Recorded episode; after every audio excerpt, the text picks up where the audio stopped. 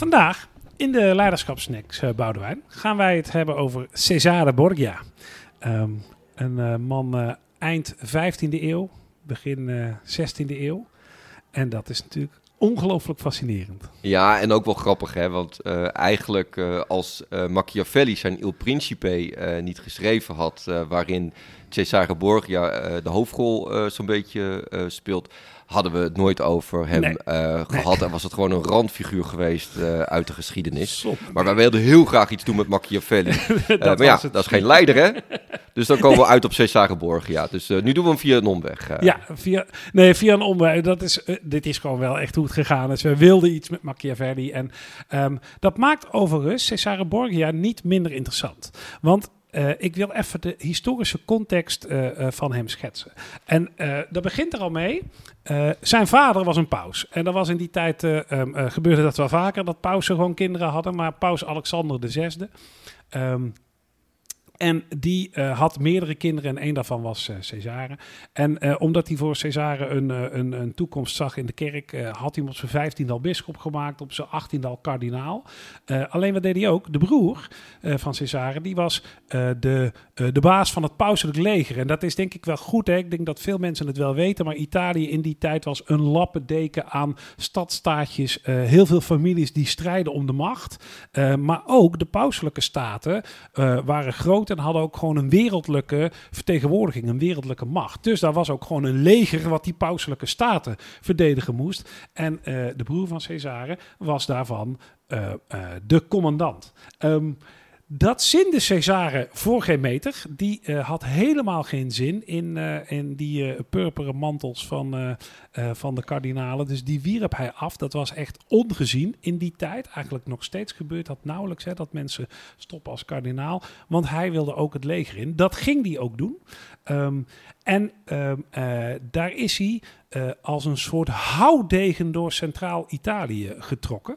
Met steun uh, wel van zijn vader, hè? Zeker ja. met steun van zijn vader, nee, absoluut. Hè? Dus, die, dus zowel het, uh, het kerkelijke als het wereldlijke deel van de paus, dat had hij dan achter zich staan. Maar hij veroverde wel echt stadje na stadje. En deed dat, als je iets weet van Machiavelli, echt op een meedogenloze manier. Uh, en dat is misschien wel een mooie om toch eens te kijken naar van, joh, wat, nou, wat, wat was nou zijn uitdaging en wat kun je daar nou als hedendaagse leider van leren? Ja, ik denk dat als je kijkt naar de uitdaging waarvoor Cesare uh, stond, was toch um, uh, in die uh, enorme opmars, ongekende opmars, ook voor die tijd, die hij maakte, op een gegeven moment te zeggen, ja, hoe ga ik dit allemaal consolideren? Hoe behoud ik nou eigenlijk deze macht? Um, en de tactiek, de strategie die hij daarvoor um, uitzette, was eigenlijk meer van hetzelfde. Dus ja. hij bleef doorgaan en doorgaan en doorgaan. Um, en dat uh, keerde zich op een gegeven moment echt ook uh, tegen uh, hem. Um, zeker toen zijn um, vader, de, de paus, stierf, ja. kwam te overlijden. En er op een gegeven moment, met een kleine tussenpaus... een de, echte tussenpaus. Een echte tussenpaus ja. van een paar, van, van een paar weken. Ja, juist. Julius de tweede op de, de, de, de paus werd, uit een andere familie. Ja. Um, en um, zich keerde tegen uh, Cesare Borgia. Toen was het echt heel snel was het, uh, was het voorbij. En dat, dat kwam voor een deel omdat hij niet goed had nagedacht over hoe consolideer ik nou die macht. Nee. Uh, dus hij wist niet wanneer die moest stoppen. En ik denk dat de geschiedenis best nog wel eens anders had kunnen lopen als Cesare ervoor gekozen had om, op, om nou ja, al begin 1500 gewoon na te denken over hoe ga ik nou deze macht nou, nou behouden mm -hmm. op een andere manier dan ik deed. Dus niet alleen maar meedogenloze instrumenten uh, in, uh, inzetten. Nee. Dus ik denk dat als je kijkt naar, uh, naar lessen voor, voor ons als, als leider tegenwoordig, dan moeten wij af en toe om ons heen gaan, gaan kijken wat we bereikt hebben.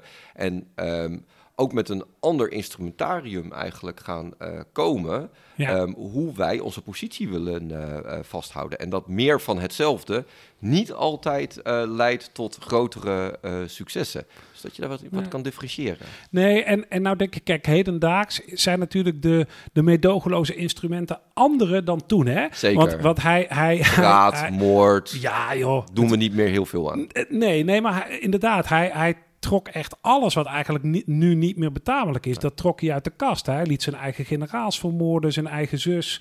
Ehm, uh, in die zin, er is echt van alles wat hij, wat hij deed wat, wat niet hield. Kreeg je ook terugbetaald, hè? Want op een gegeven moment, hij stierf in, ehm, of hij werd vermoord in, in 1507. En dat kwam omdat Ehm, zijn tegenstanders zijn eigen soldaten hadden omgekocht. En hij vervolgens in een hinderlaag uh, liep. En hij werd daar gewoon rukzichtloos werd hij daar afgemaakt. Net als hij rukzichtloos mensen afmaakt. afmaakt. Nee, dus uh, kijk, en, en dat doen we natuurlijk hedendaags niet meer. Maar ondertussen kennen wij genoeg gorilla's, MV, zeg ik daar dan maar even bij. Hè? Want dat, is niet, dat, dat hangt zeker niet van geslacht of gender af. Maar gewoon mensen die uh, uh, nou best wel als een, een olifant door de porseleinkast, winkel, nou dat, in ieder geval kunnen, kunnen, kunnen, kunnen lopen. Um, en daarbij ook wel echt mensen kunnen beschadigen. Ja. Um, maar die wat jij volgens mij benoemt, is dat het eigenlijk niet zo heel veel uitmaakt hoe je nou komt op de plek waar je zit. Of hoe je bereikt wat je te bereiken hebt. Wat natuurlijk bij mensen die Machiavelli nog wel eens wat, nou, iets te letterlijk willen interpreteren, wel een rol speelt. Hè? Het is vaak uh, halen mensen aan het doel heilig te middelen, terwijl hij misschien in heel principieel minder, maar in discussie echt ook wel aangeeft van ja, maar je hebt ook wel een goed doel na te streven. Hè? Er zat meer moraliteit in dan mensen hem nu toeschrijven. Ja. Maar nog even op Cesare Borgia terugkomend. Wat ik wel een, uh, een, een, mooie vind, en dan even in hedendaagse uh, management uh, taal, is dat hij wat meer flexibiliteit in leiderschapsstijlen ehm, zou hebben moeten gehad. En dat had hij niet. Nee. Had er maar nou, één. Precies. Nou, en dat, dat, daar wilde ik in die zin ook een beetje naartoe. Hè? Dat, dat, dat, uh, nou je, dat je dat dus ook wel ziet. Mensen komen op een plek met één bepaalde stijl. En vergeten dan eigenlijk uh, dat dat uh, of eindig is. Of ook weerstand kan oproepen. Maar in ieder geval dat het niet helpt als je niet ook zo af en toe jezelf opnieuw uitvindt. En weer eens opnieuw aan introspectie doet. Van joh, vraagt een andere situatie. Misschien om een andere stijl. Uh, dus wat we eigenlijk van Cesare kunnen leren, is hoe hij het niet gedaan heeft. En dat is ook wel eens mooi in dit soort uh, Ja, zeker weten. Mooi, dankjewel weer.